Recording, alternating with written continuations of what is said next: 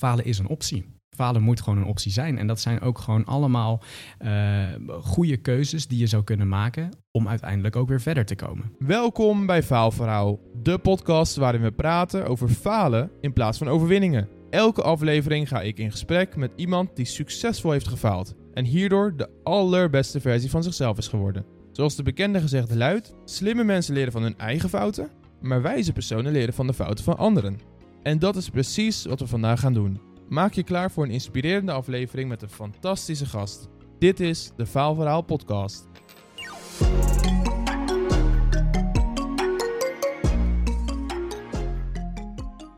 Vandaag is Joris bij mij aan tafel om zijn grootste fouten en leermomenten te delen.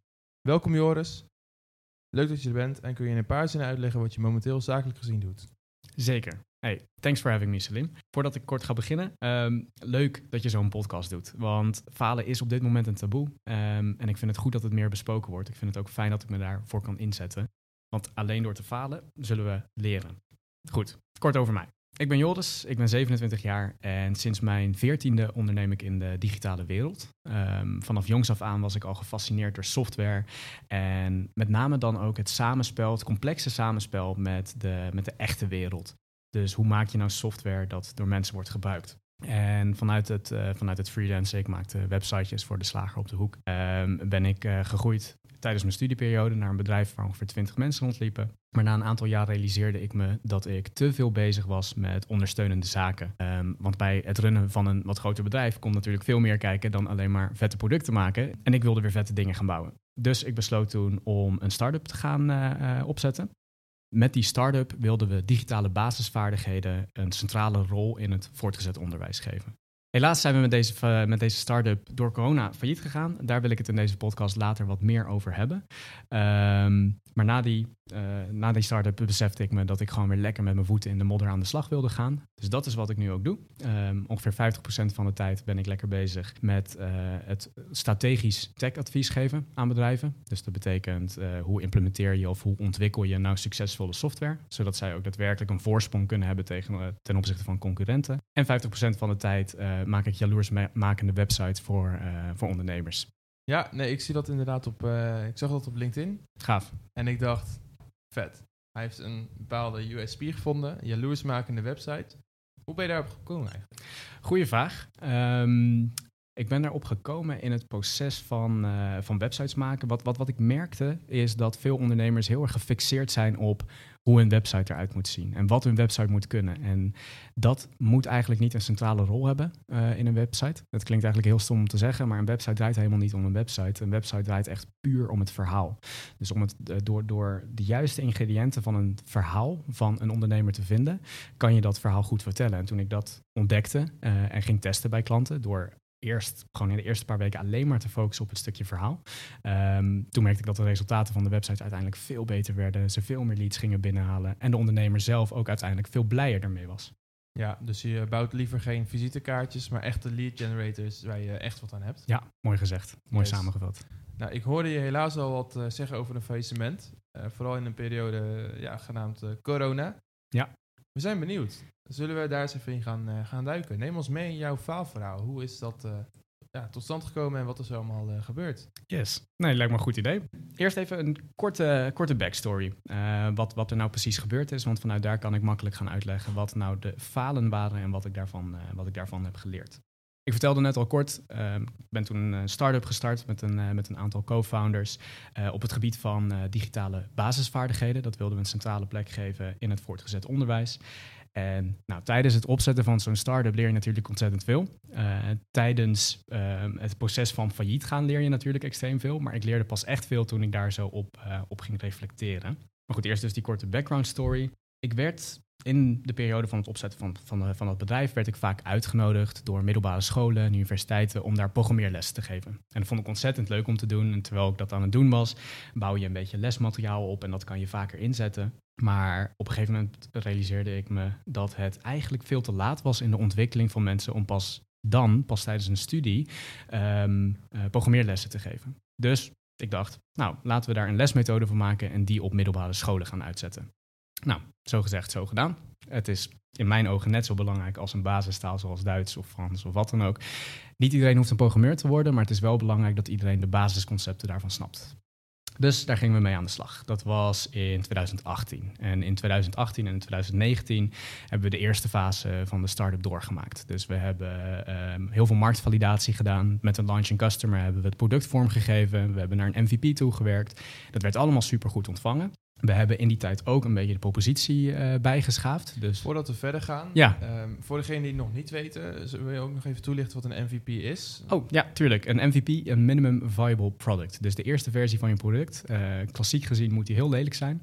Mag niet heel mooi zijn. Nee, het, ma het, ma het, mag er natuurlijk wel mooi uitzien. Alleen je hangt het echt in de lucht om te testen of hetgeen wat je in je hoofd hebt zitten, of dat ook daadwerkelijk aansluit bij de markt. Nou, en het was goed dat we dat hadden gedaan, want uh, aan de hand daarvan hebben we onze propositie ook een beetje bijgeschaafd. We ontdekten namelijk dat er niet alleen maar behoefte was aan het stukje programmeren, maar dat er juist behoefte was aan de digitale basisvaardigheden, uh, basisvaardigheden in de breedste zin. Dus de 21ste eeuwse vaardigheden. Denk daarbij aan uh, wat doe je met cyberpesten? Hoe herken je fake news? Of hoe log je in op DigiD? Voor sommige mensen is dat heel voor de hand liggend, maar voor andere mensen die begrijpen dat totaal niet. En daardoor wordt de digitale kloof, zoals ze dat noemen, ook steeds groter. En wij ontdekten dat we daar zo meer aandacht konden besteden in het lesmateriaal. En anderzijds hebben we de propositie ook een beetje bijgewerkt in de. Uh, we, merkten dat er heel veel behoefte was aan adaptief leren. Dus lesmateriaal, uh, wat op het juiste moment aan een individu wordt, uh, wordt voorgeschoteld. Om ervoor te zorgen dat ze in de optimale leerflow blijven zitten. Dat ze niet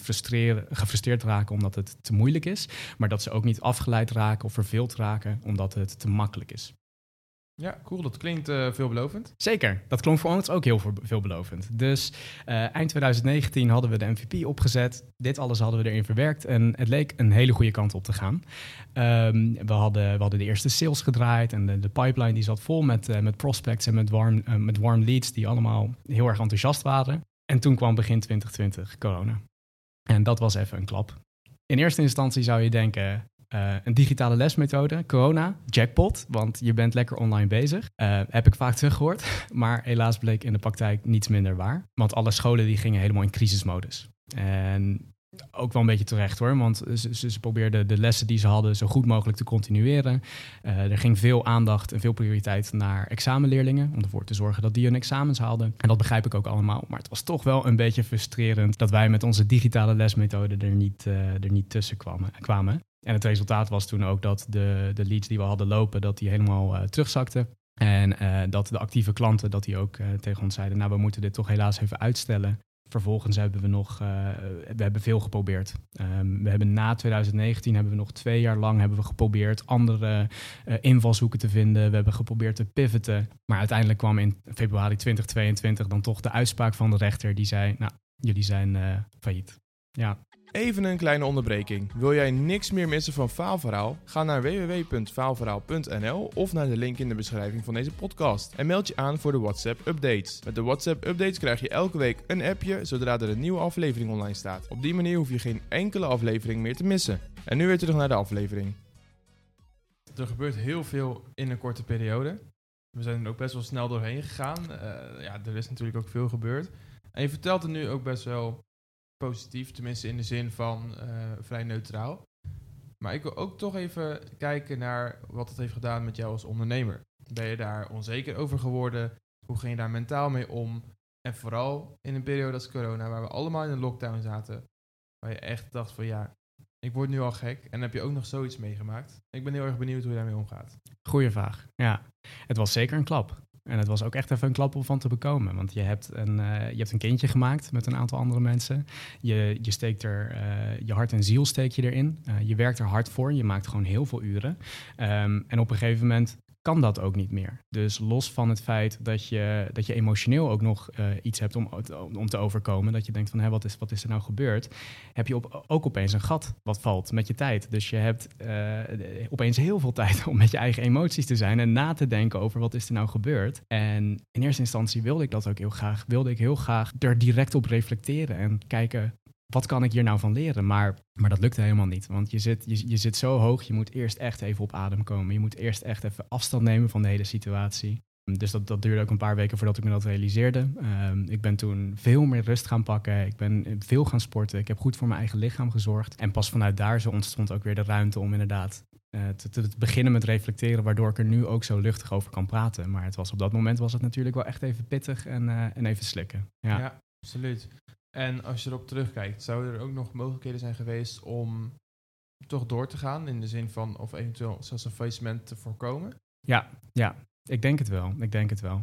Kijk, het is natuurlijk heel makkelijk met de hindsight bias om te zeggen: we hadden dat op een andere manier moeten doen, we hadden dat anders moeten aanpakken. Maar in het hele reflectieproces, um, en dat zijn ook de lessen waar ik het straks over wil hebben, heb ik toch wel een aantal dingen geleerd. Waardoor ik denk dat als ik zo meteen opnieuw in zo'n positie kom te staan. Nou, laten we hopen dat het niet eenzelfde positie is met een corona 2, met een corona 27 of wat dan ook. Maar um, dan hoop ik wel dat ik nu uh, iets meer tools in mijn gereedschapsbox heb, uh, box heb om nu andere keuzes te maken waardoor we het eventueel hadden kunnen voorkomen. Ja. Wat voor lessen heb je daaruit gehaald en wat zou je anders doen? Zou je ons daar even in willen meenemen? Zeker. Mijn nummer één les kan ik samenvatten in, uh, in één zin. Omarm je angst om te falen. En volgens mij sluit dat ook helemaal aan op het thema van, van jouw podcast, Faalverhaal. Dus daarom vind ik het ook leuk om, uh, om erover te vertellen. Omarm de angst om te falen. En dat is een les die ik alleen maar heb kunnen leren door te falen. Of ja, beter gezegd, door heel hard te proberen om niet te falen. Want er gebeurden toen een aantal merkwaardige dingen. En, en, en, die dingen wil ik met jullie delen. Het zijn er in dit geval drie die ik er even tussenuit heb gepikt. Nou, te beginnen bij de eerste. Omdat ik zo bang was om te falen en me daar echt op blind staarde, deed ik heel veel moeite om het bekende te behouden. Want het bekende, hetgene wat er nu aan de hand is, nou dat, dat was natuurlijk heel erg veilig. En dat wilde ik, koste wat het kost, wilde ik dat vasthouden. Maar ik heb heel erg veel energie verbrand door bewezen oplossingen, door dingen die nu werkten, om die um, proberen om te vormen naar nieuwe problemen. Ik bleef me maar telkens afvragen, terwijl ik daarmee bezig was, waarom werkt deze oplossing niet meer? Kunnen we dit niet tweaken? Kunnen we het niet zo aanpassen? Waarom werkt deze oplossing niet meer? Terwijl de juiste vraag op dat moment eigenlijk was, um, hoe kunnen we dit totaal over een andere boeg gooien? Hoe kunnen we dit op een hele andere manier aanpakken? En juist omdat ik me dus aan het bekende wilde vasthouden en het onbekende niet durfde aan te kijken, heb ik heel veel invalshoeken over het hoofd gezien. Um, de enige optie was toen op dat moment gas geven en doorgaan. Dus we kregen wat kansen om een corona-overbruggingslening om die af te sluiten. En wij dachten, nou top, daar, daar, daar kunnen we meer gas mee geven, kunnen we, kunnen we weer verder. Maar uiteindelijk bleek dat dat er nou juist voor zorgde dat we financiële verplichtingen aangingen die we uiteindelijk niet aankonden. En die hebben ons de das omgedaan. En als ik er nu op terugkijk, dan denk ik, ja, maar, misschien was dat helemaal niet de enige optie. Als ik, als ik nou mezelf had toegestaan om te bedenken, we hoeven niet alleen maar gas te geven, maar we mogen ook een beetje afremmen. Misschien hadden we dan helemaal niet zo'n corona-overbruggingslening hoeven af te sluiten. Als ik vaak denk aan kosten besparen, is het helaas afscheid nemen van medewerkers. Was dat ook een bepaalde angst om juist te gaan voor een lening in plaats van een andere methode? Um, ja, we, hadden op dat moment hadden twee medewerkers en daar wilden we inderdaad natuurlijk ook goed voor zorgen. Maar gelukkig waren die ook wel heel erg meelevend en snapten die ook het, uh, het schuitje waar we met z'n allen in zaten. Het, ja, maar dat. Oké, dat is een uh, wijze les. Focus minder op het, het niet falen. En, en, ja, wees ook niet bang om onderuit te gaan. En echt op, op groot niveau, ja, dat is natuurlijk gelukkig wat minder frequent. Maar ook dit weer, ik betrap me erop dat ik nu gelukkig zeg. Dus ondanks dat wij hier praten over falen, hebben we toch nog, tenminste ik dan in dit geval en heel veel anderen, toch nog ja, de negatieve associaties daarmee. Precies, ja. En die negatieve connotatie, die moet er nou juist af. Die moet er af, want dat, dat, ja, nou goed, dat is hetgene wat ik inderdaad in het proces ook geleerd heb. Ik, ik heb nog twee andere leuke dingetjes om te delen die, ja, ik, er, die ik ervan uitgeleerd had. Uh, wat ik net besprak was de eerste les. De tweede les is het volgende omdat ik zo bang was om te falen en dat dus echt niet wilde accepteren, uh, wilde ik ook de externe situatie niet accepteren. Kijk, natuurlijk erkende ik dat er een coronacrisis op dat moment aan de gang was en we probeerden daar ook wel mee te werken. Maar als ik er achteraf op terugkijk, dan zie ik dat niet per se in mijn beslissingen terug. Wat ik wel in mijn beslissingen terugzie, is wederom dat we gewoon continu alleen maar gas aan het geven waren. En in dat naïeve enthousiasme lag het ook altijd aan onszelf als er iets niet werkte. Het lag nooit aan de externe situatie, het lag altijd aan onszelf van wij hebben dit nog niet goed gedaan. Wij hebben het juiste marketingidee nog niet bedacht. Wij hebben nog niet de juiste manier gevonden om de docenten in onze doelgroep ervan te overtuigen dat ook in een coronacrisis het goed is om van ons gebruik te maken. En we zochten, uh, we zochten met mannenmacht naar oplossingen. Um, Terwijl we niet per se erkenden dat er misschien op dit moment niet een oplossing was voor de markt. Dat de markt even geen markt voor ons was. En omdat falen uh, voor ons echt geen optie was, hebben we op dat moment ook niet overwogen om alles, misschien wat achteraf heel logisch klinkt, maar alles op een wat lager pitje te zetten. Misschien hadden we voor een, low, een, een, een lay-low optie kunnen kiezen en hadden we het even wat kunnen uitsmeren over een wat langere tijd. Ja, we hadden natuurlijk nooit kunnen voorspellen hoe lang corona duurde, maar als ik er achteraf op terugkijk, dan denk ik van nou, dat is in ieder geval iets wat we een kans hadden kunnen geven. En misschien had het dan op dit moment nog bestaan zoals jij het ook zegt, het is zo lastig om in te schatten hoe lang zo'n periode nog zou duren. Ja, ja, dat had op dat moment niemand kunnen voorspellen. En achteraf gezien is het natuurlijk altijd heel makkelijk om ernaar te wijzen. Ja, als je dat had gedaan, dan was het gelukt. Maar ik hoop dat ik mezelf, als ik dus de volgende keer in zo'n situatie kom, in ieder geval ervan kan overtuigen dat het een optie is. Dat het een optie is om, uh, om te verkennen wat er gebeurt als je een beetje terugschaalt. En niet door dan al gelijk op mijn eigen ego getrapt te zijn en te denken: oh, maar dan is het falen. Nou, falen is een optie. Falen moet gewoon een optie zijn. En dat zijn ook gewoon allemaal uh, goede keuzes die je zou kunnen maken om uiteindelijk ook weer verder te komen. De derde les sluit ook weer heel goed aan op de eerste twee lessen natuurlijk. Het, het begint ook met ik was bang om te falen dus. Nee, het, het, klinkt heel stom, maar uh, omdat ik zo bang was om te falen, uh, en dus allemaal onbekende problemen had die we niet konden oplossen, ging ik problemen creëren die ik wel kon oplossen. En uh, nou ja, dat, dat, klinkt heel stom, maar platgeslagen is dat dus eigenlijk gewoon bezigheidstherapie. Niks minder, niets meer. Ik wist op dat moment ook niet beter, want we, we, ja, je, je, krijgt natuurlijk problemen op je pad gegooid of je krijgt kansen op je pad gegooid en je denkt, oké, die moeten we aanpakken.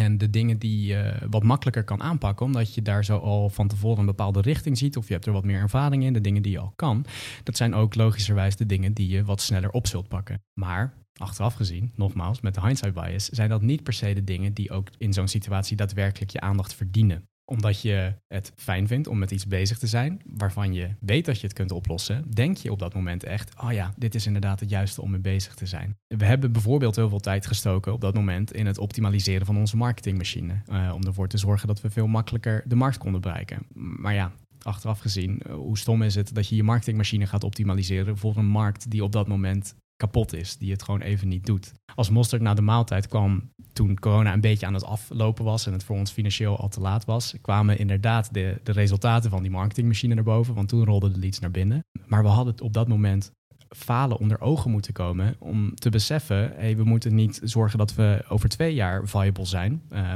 ja, goed, toen konden we niet uh, bedenken hoe lang corona zou duren, maar uh, we moeten zorgen dat we voor nu een oplossing bedenken. En Goed, daar hebben we op dat moment niet of te weinig rekening mee gehouden, omdat we bezig waren met de verkeerde problemen oplossen. Ja, je was eigenlijk helemaal de focus kwijt, als ik het zo, uh, zo hoor. Ja. ja, daar had meer focus in mogen zitten, zeker. Ja. Het, het bedrijf is failliet. Wat doe je daarna? Je gaf aan dat je eventjes uh, terugtrok, dus uh, wat meer de ruimte nam, vaker sporten en ja, iets meer tijd voor jezelf. Nou, lay low na uh, dat de rechter het faillissement had uitgesproken. Dat betekende voor mij inderdaad dat ik uh, uh, meer op mijn eigen lichaam ging focussen. Maar ondertussen bleef ik ook nog wel doorgaan met wat werk ernaast doen. Ik was bij een bevriende start-up, was ik tech consultancy gaan doen. Dus ik heb ze op, geholpen met het opzetten van de softwareplatforms. Het ondernemen was even een klein beetje uit mezelf gehaald. Ik merkte dat ik even wat, ja, tussen aanhalingstekens, wat makkelijker werk moest doen. Dat betekent niet dat het werk super inhoudelijk super makkelijk was. Maar wel dat ik er uh, upfront minder energie van mezelf in hoefde te steken, omdat die energie moest gaan naar het repareren van mezelf. En wellicht ook wat minder risico. En wat minder risico was voor dat, op dat moment voor mij ook heel erg belangrijk. Um, maar ik begon op een gegeven moment wel weer te kiebelen. Op een gegeven moment dacht ik wel weer van, nou ja goed, we hebben nu wel zo lang dit gedaan en uh, risicolozer geleefd. Uh, hoe kunnen we toch weer wat meer risico gaan opzoeken en hoe kan je inderdaad wat meer impact maken? Daar is uit voortgerold wat ik inderdaad nu aan het doen ben. Ja. Wat je wel vaak ziet bij personen die hebben gefaald, je neemt alles van de voorgaande ervaringen neem je wel weer mee. Dus uiteindelijk lijkt het ook altijd wel alsof het enige moest gebeuren om, de ander, uh, om het ander te bereiken. Ben je het daarmee eens? Of Zeker, ja, ja. En ik denk ook dat het heel erg belangrijk is om, um, om die lessen over falen, om die ook vervolgens inderdaad mee te nemen. Iedereen die, heeft, die zit natuurlijk in een eigen persoonlijke situatie nadat je gefaald hebt. Bijvoorbeeld naar failliet te gaan, laten we dat nou als voorbeeld nemen. Um, maar ik denk dat wat voor een groot gedeelte van die ondernemers zichzelf ook zal laten tegenhouden, dat dat niet per se alleen het feit is dat ze failliet zijn gegaan, maar ook de complete maatschappelijke connotatie eromheen. Ook het feit dat iedereen tegen je zegt van, oh, maar je bent wel een keer failliet gegaan, oh, maar dit en dat. En dat het altijd met een, met, met een zware boodschap eromheen wordt verpakt, in plaats van dat het gewoon wordt gezegd van, hey, je hebt een keuze gemaakt en er, er, er is iets gebeurd en het is misschien niet helemaal uitgepakt zoals je het wil, maar het is wel een super waardevolle les. Soms strandt dat daar een beetje onder. Soms eh, focussen alleen maar op het feit dat uh, een faillissement en dat falen negatief is. Maar dat hoeft helemaal niet negatief te zijn. Ja, nee, ik haal vaak het voorbeeld aan van uh, een Nederlands bedrijf versus een Amerikaans bedrijf. In Nederland, als bijvoorbeeld een Lightyear failliet gaat, dan zegt iedereen van, ja, zie je wel dat ze het niet konden en dat, dat het allemaal te ambitieus was. Terwijl niemand erbij stilstaat van, hey, kijk eens wat ze hebben neergezet qua technologie. Kijk eens wat ze hebben gemaakt. Dat is iets om trots op te zijn. En ook een faillissement. Ja, in Amerika vieren ze dat gewoon bij de meeste bedrijven, ja. hoorde ik. En dat, en dat zouden we hier ook moeten doen. Ja. Want Lightyear, ontzettend goed voorbeeld inderdaad. De kanten die stonden vol met uh, Lightyear failliet. Uh, ze hebben het niet gehaald. En ik dacht, nou ja, weet je wat ze gehaald hebben? Ze hebben de markt opgeschud. Ze hebben laten zien van, hey, dit is er ook mogelijk. Ze hebben reuring in de tent gebracht. En 9 van de 10 keer lukt dat niet. En een van de tien keer lukt het wel. En precies dat zijn degene, dat zijn de, de, de start-ups die technologie in onze maatschappij introduceren, die onze maatschappij ook verder gaan helpen. Dus voor elke start-up die, die, die dit haalt, zijn er ook negen start-ups die het niet halen. En dat is ontzettend belangrijk. Ik denk dat het, uh, dat het verhaal heel mooi rond is. Ik wil alleen nog vragen wat jouw final advies is voor de luisteraars. Mijn final advies is het volgende. Als mensen zeggen falen is geen optie, neem het dan met een korrel. Het is een ontzettend mooi en romantisch beeld ervan, maar probeer de angst om falen aan te kijken. Um, falen is een uitkomst die je echt niet hoeft te vermijden. Misschien wordt je baas boos, misschien uh, kijken investeerders je raar aan of krijg je inderdaad op, kop, op je kop van leraren of uh, van, uh, van, van je ouders. En zo wat. Falen hoort erbij. En als zij falen niet willen accepteren, prima. Maar dat betekent echt niet dat jij falen niet hoeft te accepteren. We, we moeten het normaliseren met elkaar. Dus zeg voortaan tegen mensen: gefeliciteerd met je faillissement. Gefeliciteerd met het, afronden van, met het niet afronden van je studie. Of gefeliciteerd met je onvoldoende. Ja, in die gevallen zal je altijd even op je bladen moeten zitten. Eh, ik wil het niet bagatelliseren en het, het kan natuurlijk altijd even pijn doen. Maar als de tijd dan rijp is, dan zul je je beseffen uh, dat jij de kans hebt aangekeken om te falen. En dat je daardoor op plaatsen komt waar heel veel andere mensen niet zullen komen. Ja, ik vind dat een eh, hele mooie om de podcast mee af te sluiten. Wel gevaarlijk als we deze podcast niet hebben beluisterd en iemand feliciteert met zijn faillissement. Dan ben ik benieuwd hoe iemand erop reageert. Dan moeten ze deze podcast maar luisteren. Ja, precies. Maar nee, dat is heel erg tof. Bedankt voor je openhartigheid. Ik vond het heel erg interessant om uh, je verhaal aan te horen en ook natuurlijk je lessen die je eruit hebt gehaald. Hopelijk de luisteraars ook. En uh, daarmee ga ik hem uh, afronden. Dankjewel voor deze mooie lessen. Uh, we gaan hem afronden zoals ik net zei. Uh, heb je als luisteraar genoten van deze aflevering? Vergeet zeker niet om de podcast te delen met je omgeving, ons te volgen op social media en je gratis te abonneren via jouw favoriete streamingdienst. Wil je nog meer van de deelnemer horen? In de beschrijving staat een link naar het uh, LinkedIn profiel van Joris. Daar kun je meer van zijn verhalen lezen en elke dag weer een stukje wijzer worden. Elke donderdag staat een nieuwe aflevering online. Heel erg bedankt voor het luisteren en heel graag tot de volgende keer.